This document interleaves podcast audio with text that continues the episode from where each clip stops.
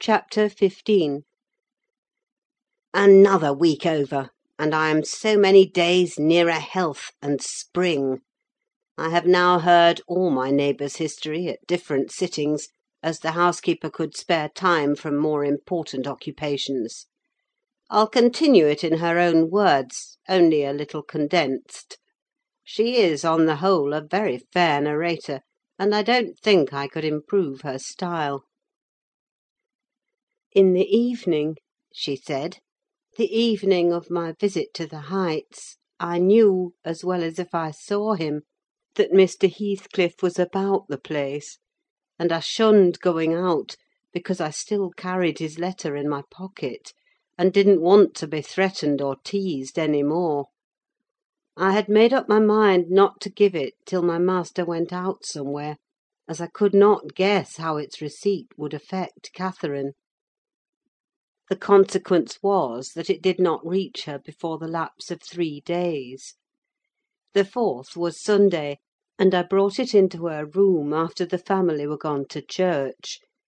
There was a man servant left to keep the house with me, and we generally made a practice of locking the doors during the hours of service; but on that occasion the weather was so warm and pleasant that I set them wide open and to fulfil my engagement, as I knew who would be coming, I told my companion that the mistress wished very much for some oranges, and he must run over to the village and get a few, to be paid for on the morrow. He departed, and I went upstairs. Mrs. Linton sat in a loose white dress, with a light shawl over her shoulders, in the recess of the open window, as usual. Her thick, long hair had been partly removed at the beginning of her illness, and now she wore it simply combed in its natural tresses over her temples and neck. Her appearance was altered, as I had told Heathcliff; but when she was calm, there seemed unearthly beauty in the change. The flash of her eyes had been succeeded by a dreamy and melancholy softness. They no longer gave the impression of looking at the objects around her: they appeared always to gaze beyond, and far beyond; you would have said, out of this world. Then the paleness of her face, its haggard aspect having vanished as she recovered flesh and the peculiar expression arising from her mental state, though painfully suggestive of their causes, added to the touching interest which she awakened, and invariably to me, I know, and to any person who saw her, I should think, refuted more tangible proofs of convalescence, and stamped her as one doomed to decay. A book lay spread on the sill before her, and the scarcely perceptible wind fluttered its leaves at intervals.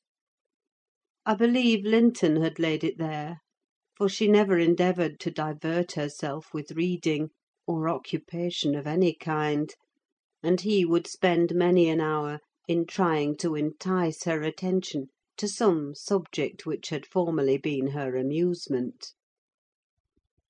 She was conscious of his aim, and in her better moods endured his efforts placidly, only showing their uselessness by now and then suppressing a wearied sigh, and checking him, at last, with the saddest of smiles and kisses. At other times she would turn petulantly away, and hide her face in her hands, or even push him off angrily; and then he took care to let her alone for he was certain of doing no good. Gimmerton chapel bells were still ringing, and the full, mellow flow of the beck in the valley came soothingly on the ear. It was a sweet substitute for the yet absent murmur of the summer foliage, which drowned that music about the Grange when the trees were in leaf. At Wuthering Heights it always sounded on quiet days following a great thaw, or a season of steady rain; and of Wuthering Heights Catherine was thinking as she listened: that is, if she thought or listened at all. but she had the vague, distant look I mentioned before, which expressed no recognition of material things, either by ear or eye. "There's a letter for you, Mrs. Linton," I said, gently inserting it in one hand that rested on her knee. "You must read it immediately, because it wants an answer. Shall I break the seal?" "Yes," she answered, without altering the direction of her eyes. I opened it. It was very short. "Now," I continued, "read it." She drew away her hand, and let it fall. I replaced it in her lap, and stood waiting till it should please her to glance down. But that movement was so long delayed that at last I resumed, "Must I read it, ma'am? It is from Mr. Heathcliff." There was a start, and a troubled gleam of recollection, and a struggle to arrange her ideas. She lifted the letter, and seemed to peruse it, and when she came to the signature she sighed. Yet still I found she had not gathered its import; for, upon my desiring to hear her reply, she merely pointed to the name, and gazed at me with mournful and questioning eagerness. "Well, he wishes to see you," said I, guessing her need of an interpreter. "He's in the garden by this time, and impatient to know what answer I shall bring." As I spoke, I observed a large dog lying on the sunny grass beneath raise its ears as if about to bark, and then smoothing them back, announce, by a wag of the tail, that some one approached whom it did not consider a stranger. Mrs. Linton bent forward, and listened breathlessly. The minute after, a step traversed the hall. The open house was too tempting for Heathcliff to resist walking in: most likely he supposed that I was inclined to shirk my promise, and so resolved to trust to his own audacity. With straining eagerness, Catherine gazed towards the entrance of her chamber. He did not hit the right room directly: she motioned me to admit him, but he found it out ere I could reach the door, and in a stride or two was at her side, and had her grasped in his arms. He neither spoke nor loosed his hold for some five minutes, during which period he bestowed more kisses than ever he gave in his life before, I daresay. But then my mistress had kissed him first; and I plainly saw that he could hardly bear, for downright agony, to look into her face. The same conviction had stricken him as me from the instant he beheld her: that there was no prospect of ultimate recovery there. She was fated sure to die. "Oh, Cathy! Oh, my life! how can I bear it?" was the first sentence he uttered, in a tone that did not seek to disguise his despair. And now he stared at her so earnestly that I thought the very intensity of his gaze would bring tears into his eyes. But they burned with anguish: they did not melt. "What now?" said Catherine, leaning back, and returning his look with a suddenly clouded brow. Her humour was a mere vane for constantly varying caprices.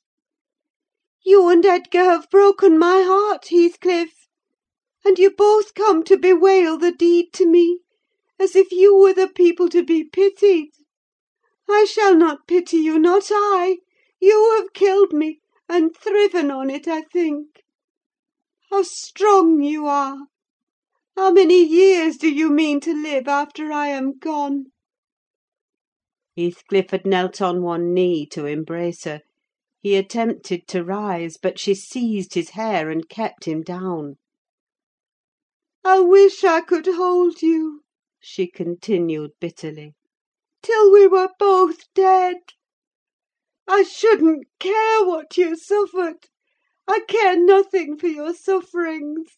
Why shouldn't you suffer? I do. Will you forget me? Will you be happy when I'm in the earth? Will you say, twenty years hence, that's the grave of Catherine Earnshaw? I loved her long ago, and was wretched to lose her; but it is past. I've loved many others since. My children are dearer to me than she was; and at death I shall not rejoice that I'm going to her: I shall be sorry that I must leave them. Will you say so, Heathcliff?" "Don't torture me till I'm as mad as yourself!" cried he, wrenching his head free, and grinding his teeth. The two, to a cool spectator, made a strange and fearful picture.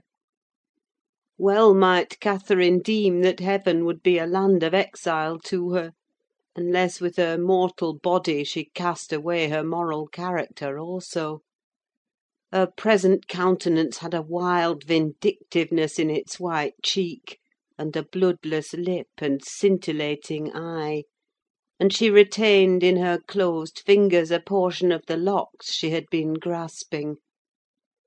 As to her companion, while raising himself with one hand, he had taken her arm with the other, and so inadequate was his stock of gentleness to the requirements of her condition, that on his letting go I saw four distinct impressions, left blue in the colourless skin. "Are you possessed with a devil?" he pursued savagely. "To talk in that manner to me when you are dying? Do you reflect that all those words will be branded in my memory, and eating deeper eternally after you have left me? You know you lie to say I have killed you; and, Catherine, you know that I could as soon forget you as my existence. Is it not sufficient for your infernal selfishness that while you are at peace I shall writhe in the torments of hell?" "I shall not be at peace," moaned Catherine, recalled to a sense of physical weakness by the violent, unequal throbbing of her heart, which beat visibly and audibly under this excess of agitation. She said nothing further till the paroxysm was over. Then she continued, more kindly. "I'm not wishing you greater torment than I have, Heathcliff. I only wish us never to be parted. And should a word of mine distress you hereafter, think I feel the same distress underground, and for my own sake forgive me. Come here and kneel down again. You never harmed me in your life. Nay, if you nurse anger, that will be worse to remember than my harsh words. Won't you come here again? Do!